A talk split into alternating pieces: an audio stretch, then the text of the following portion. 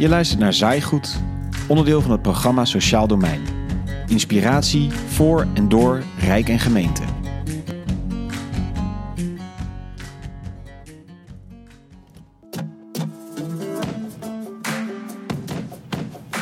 In deze podcast gaan we in op het sturingsmodel van de gemeente Utrecht. Over de principes die daaraan ten grondslag liggen en hoe Utrecht consequent die principes heeft doorvertaald naar bijvoorbeeld accounthouderschap, inkoop en verantwoording. We horen Souhel Sagouani, business controller maatschappelijke ontwikkeling, en Toke Tom, themadirecteur sociaal domein. Ze gaan allereerst in op de leidende principes die Utrecht hanteert. Eigenlijk begon dat allemaal zo in 2011. Eh, We hadden eigenlijk een grote ambitie om de hulp en zorg anders te organiseren. Het belangrijkste daarin was voornamelijk om te kiezen voor partnerschap. Eigenlijk te beseffen en te erkennen dat de gemeente daarin niet alles alleen kan en zelfs niet alleen kan bedenken. Maar dat er vooral ook samen met de hele stad en met alle partners in de stad uh, bedacht en uitgewerkt moet worden. Um, en daar is eigenlijk het hele sturingsmodel van de gemeente Utrecht in principe op gebaseerd. Uh, we hebben toen al in een heel vroeg stadium een soort visiestuk uh, opgeleverd, wat we ook met de raad gedeeld hebben en wat later vertaald hebben naar leidende principes. Om dat ook heel praktisch te maken en ook mogelijk te maken dat het echt uh, sturing geeft, dat je als leidend, hebben we in die jaren werden we steeds uh, compacter, zou ik haast zeggen, in wat daar ook essentieel in is, in die visie en hoe we daar eigenlijk komen. Zonder iedereen vast te ketenen ook in een soort van, uh, van standaard format of, uh, of uniforme richtlijnen, maar echt als een stip op de horizon, een gezamenlijke stip op de horizon waar we allemaal koers aan kunnen ontlenen en waar we ook allemaal elkaar scherp op kunnen houden. Dus ook wat gedurende het traject ook zou kunnen dienen als soort van toetssteen voor al ons doen en laten. Er zijn in totaal zes principes. Token ligt ze toe. De eerste is eigen verantwoordelijkheid, keuzevrijheid en wederkerigheid. Dat had natuurlijk ook iedereen, maar toch het belang dat je aansluit bij wat iemand zelf wil en kan. Dat je dat belangrijk uh, maakt. Belangrijker dan daarvoor. De tweede, ruimte voor professionele beslissingen. Dus niet zozeer ruimte voor professionals, maar ruimte dat zij beslissingen kunnen nemen die ertoe doen. En dat gaat zowel om beslissingen, wat heeft iemand uh, uh, voor zorg nodig. dus zij hebben echt ruimte om zelf uh, indicaties af te geven. Het derde principe? Normaliseren en uitgaan van mogelijkheden. Dus proberen niet iedereen uh, ziek te verklaren, maar heel erg over uh, hoe kan ik ook leven met de beperking die ik heb en hoe kan ik daar zoveel mogelijk van maken en niet onnodig ingewikkeld. Uh, hoogwaardige generalistische professionals aan de voorkant. En wat we daarmee bedoelen is eigenlijk dat een cliënt niet uh, vanaf het eerste gesprek aan een balie tot aan het gesprek met de psychiater vijf gesprekken daartussendoor heeft. Maar dat je mensen die echt het verschil kunnen maken, de inschattingen kunnen maken, wat is hier echt nodig, dat die ook echt het uitvoerende werk doen. Dus dat je die ook heel snel spreekt en die ook verschil kunnen maken. Want anders, dan kom ik terug op ruimte voor professionele beslissingen is het ook heel moeilijk om daar uh, beslissingen aan over te laten. Je wil graag dat dat gebeurt door mensen die verschil kunnen maken. En tot slot het vijfde. Een eenvoudig systeem, minder bureaucratie. En zesde principe. Uh, de veiligheid van het kind vormt altijd de ondergrens. Eigenlijk is die zo uh, vanzelfsprekend, maar hij was in die fase van de veranderingen heel belangrijk. We hebben hem nu niet meer bovenaan staan, maar het is gewoon, dat is gewoon zo. Het feit dat Utrecht de aanbieders en het hele veld zo uitgebreid betrokken had bij de visievorming, heeft grote consequenties voor het vervolg. Uh, nou ja, dat, dat gaat uit van een grote mate van empowerment. Hè? Dus ook veel bevoegdheden en, en verantwoordelijkheden laag beleggen. Uh, of dat nou is binnen de gemeente is of daarbuiten. Uh, en dat vraagt wel om een hele andere type controle. Een type controle waarin het niet alleen maar gaat om voldoen aan wet en regelgeving en dingen dicht willen timmeren, maar veel meer om de essentie eigenlijk van controle. Dus we zochten echt een sturingsmodel waarbij we uh, samen met partners uh, stap voor stap ontwikkelen. Um, en waarin we ook met elkaar uitkomen met ons geld. Dus we willen en vernieuwen en goed uitkomen met ons geld in partnerschap met onze uh, aanbieders en mensen in de stad. In 1995 heeft een hoogleraar van Harvard, uh, Robert Simons, al een uh, zichzelf de vraagstuk, een vraagstuk gedefinieerd met als titel How to be in control in an age of empowerment. En zijn stelling daarbij is, is dat dat het best bereikt kan worden door een, een juiste mix van maatregelen. Waarin een balans wordt gezocht tussen enerzijds harde controles en zachte controles. Maar nog veel belangrijker eigenlijk tussen een juiste mix van controles die bedoeld zijn om te inspireren en te motiveren. En controles die bedoeld zijn om te beperken en te begrenzen. En dat juist die balans daartussen, dat dat zorgt voor een mate van, uh, uh, of dat je in controle bent. Utrecht heeft het model van Simons overgenomen en aangepast naar de eigen context. Het model van Simons bestaat uit vier kwadranten, vier levers, oftewel hefbomen. En die vier moeten op een goede manier met elkaar in balans zijn.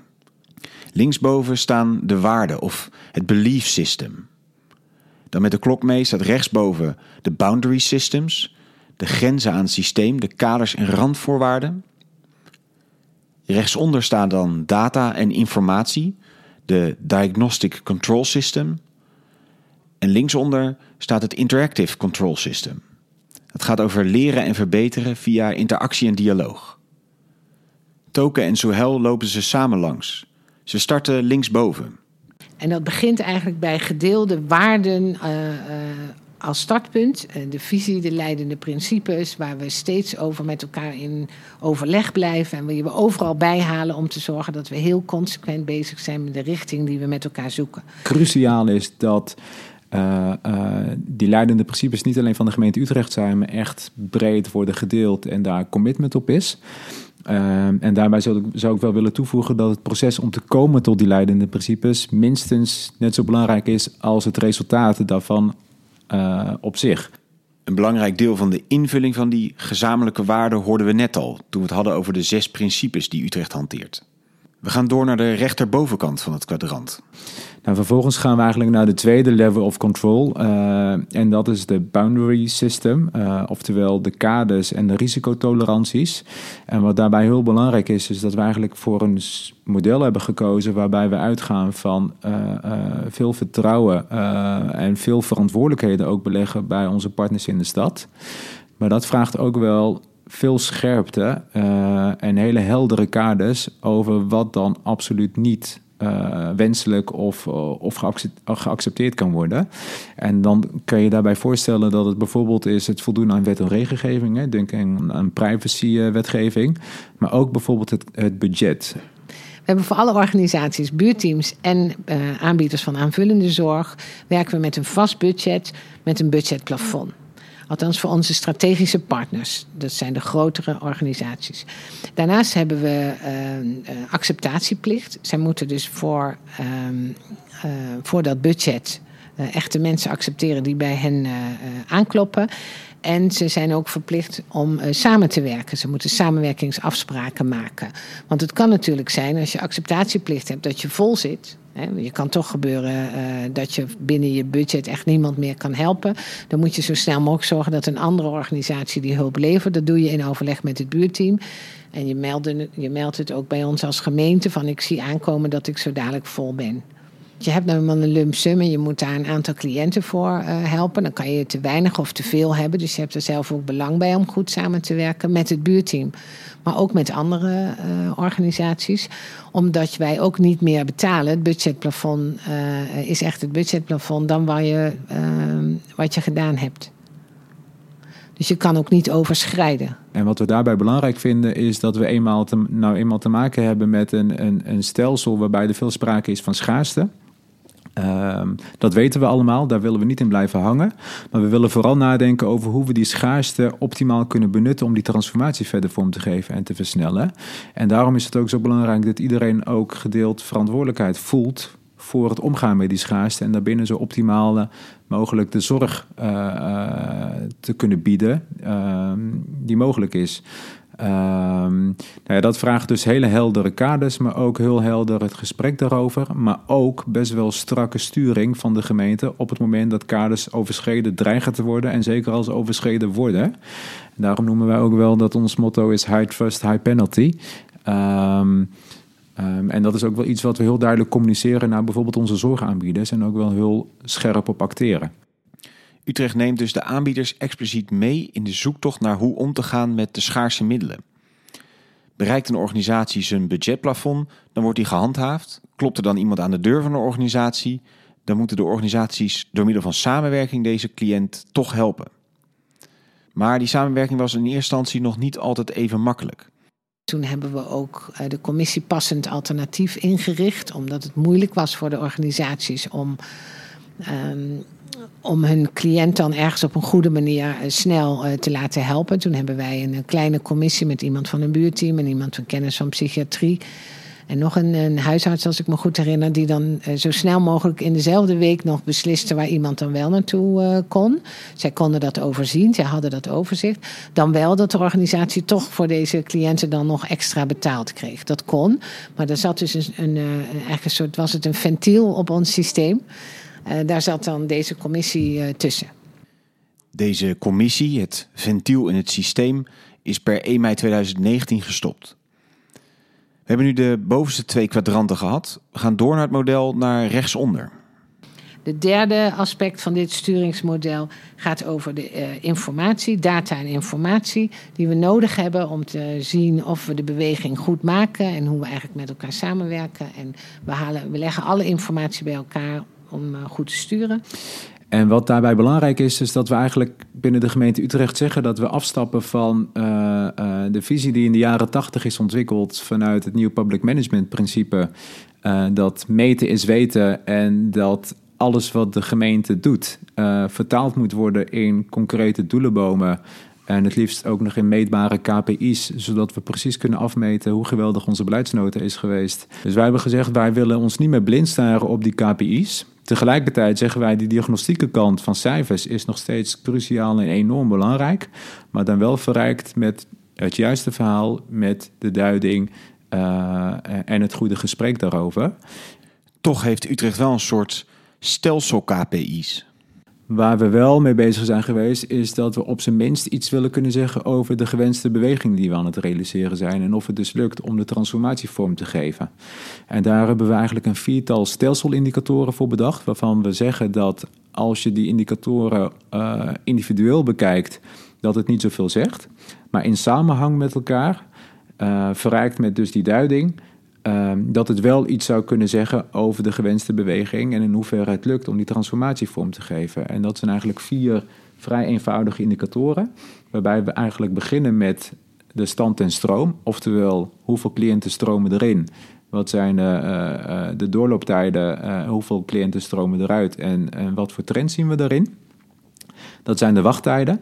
Dus zien we dat, dat, dat uh, de wachttijden toenemen. En dat zegt natuurlijk iets over de spanning op het, op het stelsel. Hè? En, uh, en ook de, de ervaren kwaliteit. En uh, in hoeverre het ons echt daadwerkelijk lukt om aan de voorkant te komen. En veel meer preventief bezig te zijn. In plaats van achteraf te proberen te herstellen. Um, derde belangrijke is uh, ervaringen en, uh, en kwaliteit. Dus we willen iets kunnen zeggen over de ervaren kwaliteit van, van de cliënten. Maar dat proberen we ook juist te verrijken met de ervaringen van de professionals. En in het geval van jeugd ook van ouders of voogd. omdat we geloven dat die 360 graden feedback eigenlijk een verrijking is om echt iets te kunnen zeggen over de kwaliteit. Um, en de vierde indicator is eigenlijk het budget. Dus lukt het inderdaad om binnen het budget dat we hebben om daarmee uit te komen? Um, of zien we dat de kosten alleen maar stijgen? Nou ja, en als we bij deze vier indicatoren zien dat de pijltjes de goede kant op staan, um, plus dat we daar het goede gesprek over voeren, dan durven wij wel te stellen dat we de juiste beweging aan het maken zijn, met alle nuances die daarbij horen. En tot slot is er dan het vierde kwadrant, linksonder. Dat is eigenlijk de dialoog, het leren en verbeteren in interactie en dialoog met elkaar. We hebben kwartaalgesprekken, themabijeenkomsten, we hebben proeftuinen. We zijn voortdurend bezig met elkaar om, dan kom ik weer op die leidende principes, binnen die visie en die leidende principes um, de zaak door te ontwikkelen. En model Simons uh, gaat daarbij vanuit dat, uh, um, dat het, het vraagstuk dusdanig complex is dat er altijd een grote mate van onzekerheid blijft. En dat die onzekerheid niet te vatten is in goede afspraken, uh, heldere kaders of heldere cijfers die iets zeggen over de beweging die we aan het maken zijn, omdat het per definitie gaat over de toekomst die onzeker is. En om die onzekerheid te kunnen minimaliseren en daar zo goed mogelijk antwoord op te kunnen formuleren, is het dus cruciaal dat het lerend vermogen en de wendbaarheid van de organisatie vergroot wordt, zodat er ook snel geleerd en geanticipeerd kan worden op veranderingen uh, die zich voordoen. We hebben nu de vier elementen van het Utrechtse model gehoord.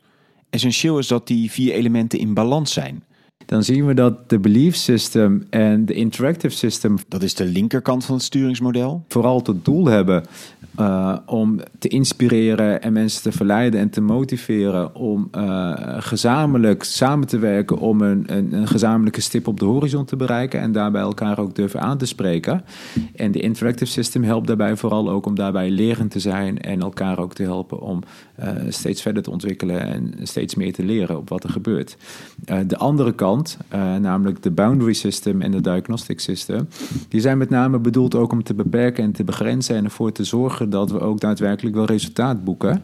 Uh, en dat we daarbij niet al te grote risico's lopen, namelijk uh, risico's waarvan we afgesproken hebben met elkaar dat we die kaders niet willen overschrijden.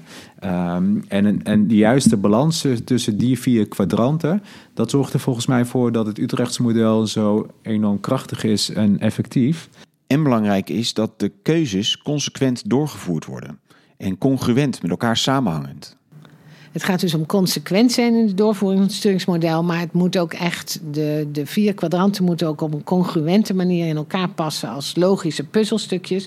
Je kan bijvoorbeeld niet zeggen dat je samenwerking wil uh, om te innoveren en samen leren. als je PMQ-afspraken maakt met 300 aanbieders. Als wij binnen Utrecht kijken, dan, dan hebben we eigenlijk ook een bedrijfseconomische benadering van congruentie gehanteerd. En dat is namelijk dat de visie de inrichtingskeuzes en de financiering en bekostigingsvariant. En vervolgens als soort van sleutel uh, de, de manier van sturing en verantwoording op elkaar moeten aansluiten en elkaar moeten versterken. Dat betekent dus dat als wij zeggen dat we kiezen voor in onze visie voor eenvoud en verminderde lastendruk, dat de inrichtingskeuzes ook daarbij moeten aansluiten en dat we kiezen voor een, een, een inrichtingsmodel waarin uh, de inhoud centraal staat, waarin we heel eenduidig en helder zijn in wie wat doet. Uh, en dat ook zo eenvoudig mogelijk proberen te houden. Maar dat vertalen we bijvoorbeeld ook in onze bekostigingsvariant. Dus we hebben niet gekozen voor een ingewikkelde PMQ-variant met 300 verschillende tarieven. We hebben gekozen voor uh, een heel duidelijk budget per zorgaanbieder, vertaald in vijf verschillende zorgvormen. Waarin we aan de voorkant met elkaar het gesprek aangaan wat we daar op hoofdlijnen in verwachten. Dus hoeveel cliënten denken we dat je daarmee kan, kan, kan bedienen. Uh, en vervolgens heel intensief in gesprek blijven gedurende het jaar over de realisatie daarvan. En dus of bijstelling daarvan noodzakelijk is. Uh, en vervolgens pas als dat de drie uitgangspunten zijn, uh, dan begint de vraag om na te denken hoe wil ik dan op dit model sturen en daar verantwoording over afleggen. Uh, en wat ik zie is dat, dat veel gemeenten deze vier vragen eigenlijk uh, los van elkaar aan het, aan het bedenken zijn. Omdat het vaak ook bij vier verschillende disciplines belegd is. Hè. Dus de directie of het bestuur denkt na over de visie. Het management denkt na over de inrichtingskeuzes. Controle en financiën denken na over financiering en bekostiging. En pas als het ergens misgaat, dan gaan we nadenken over de sturing en verantwoording.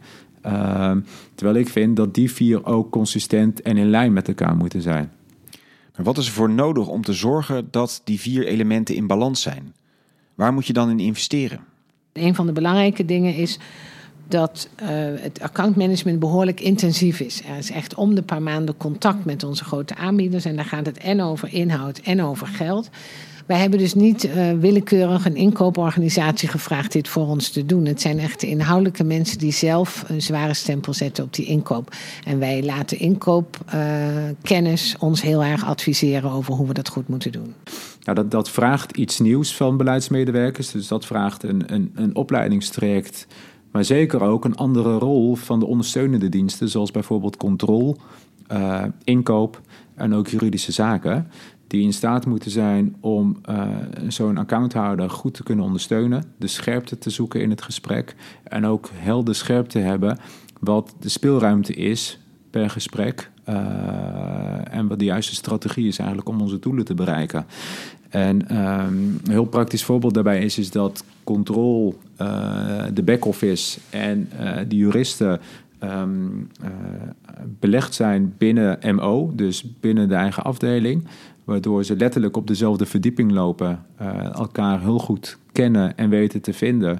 En daardoor ook een hele goede aanvulling kunnen zijn op elkaar.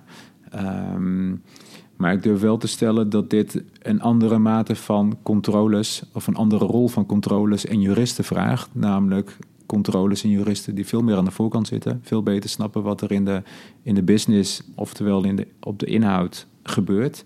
Uh, en veel betere adviesvaardigheden, waarin ze niet alleen maar aangeven wat wel of niet mag, maar veel meer wat handelingsperspectieven zijn uh, en wat de mogelijkheden zijn binnen de kaders die er zijn, of dat nou financiële of juridische kaders zijn. En we leerden ook dat je niet een accountmanager per organisatie moet hebben, of dat moet je wel hebben, maar dat je vooral ook samen heel goed moet kijken hoe nou in het krachtenveld het zich allemaal ontwikkelt. En je ook samen moet nadenken wat je dus volgend jaar weer moet inkopen en wat niet. Dus dat het niet in individuele accountmanagers zijn, maar dat mensen dit gezamenlijk uh, moeten doen.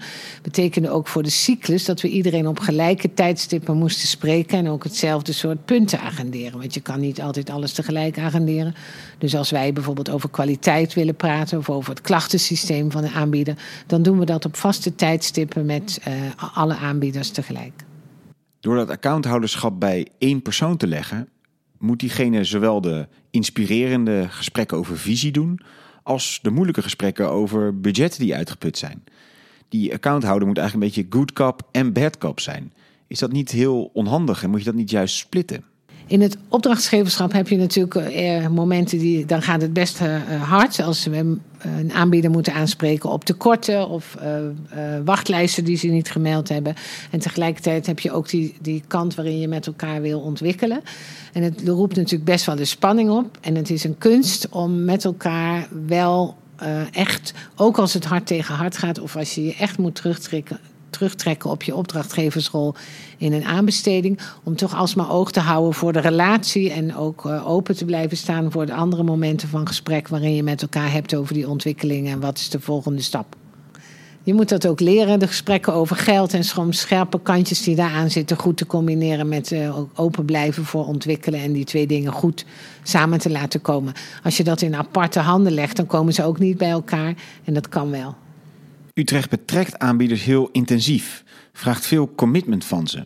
Ze moeten mee in de visie, meedenken over de visie. Uh, ze zijn mede verantwoordelijk voor de budgetschaarste. Ze worden overal bij betrokken. Heeft wel elke aanbieder daar zin in? Zijn er niet aanbieders die veel liever gewoon wat producten leveren en het daarbij houden? In de loop der tijd is dat heel veel aanbieders zich hier uh, graag gaan committeren, dit een, een mooi sturingsmodel vinden. Omdat ze ook zien dat dit inderdaad zorgt voor verminderde lastendruk. Meer ruimte voor hun om ook te innoveren.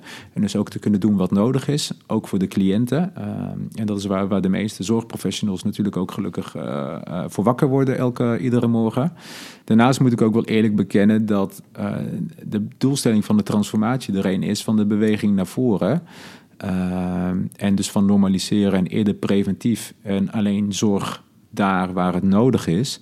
Terwijl sommige organisaties toch nog steeds een, een, een strategie hebben van winstmaximalisatie en groei. Nou, dat betekent dus dat, dat die visie en die leidende principes die we ontwikkeld hebben en die, die commitment waar we aanbieders op aanspreken, dat sommige partijen daar, veel, daar meer, meer, meer moeite mee hebben dan andere partijen. Um, en dus dat, uh, dat een gemeente en wij dus ook moeten nadenken over wat zijn dan de middelen die we kunnen inzetten om toch uh, daar het gesprek over aan te gaan.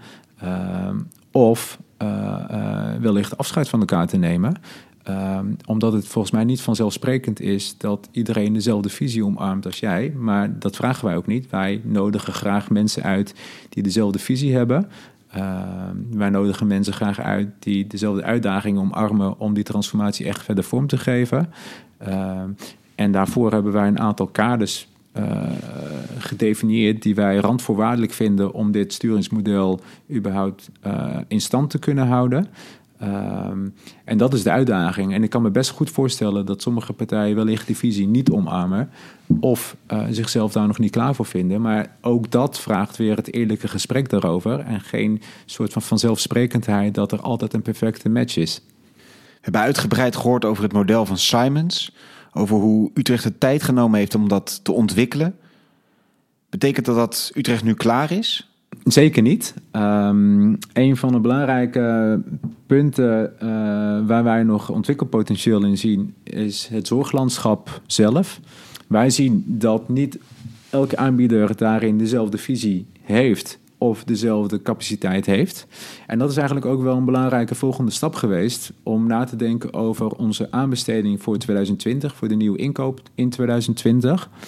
Dat we hebben gezegd, wij willen veel meer eigenlijk gaan selecteren op aanbieders die deze visie omarmen en waarvan wij geloven dat die ook in staat zijn om die visie vervolgens concreet te kunnen vertalen.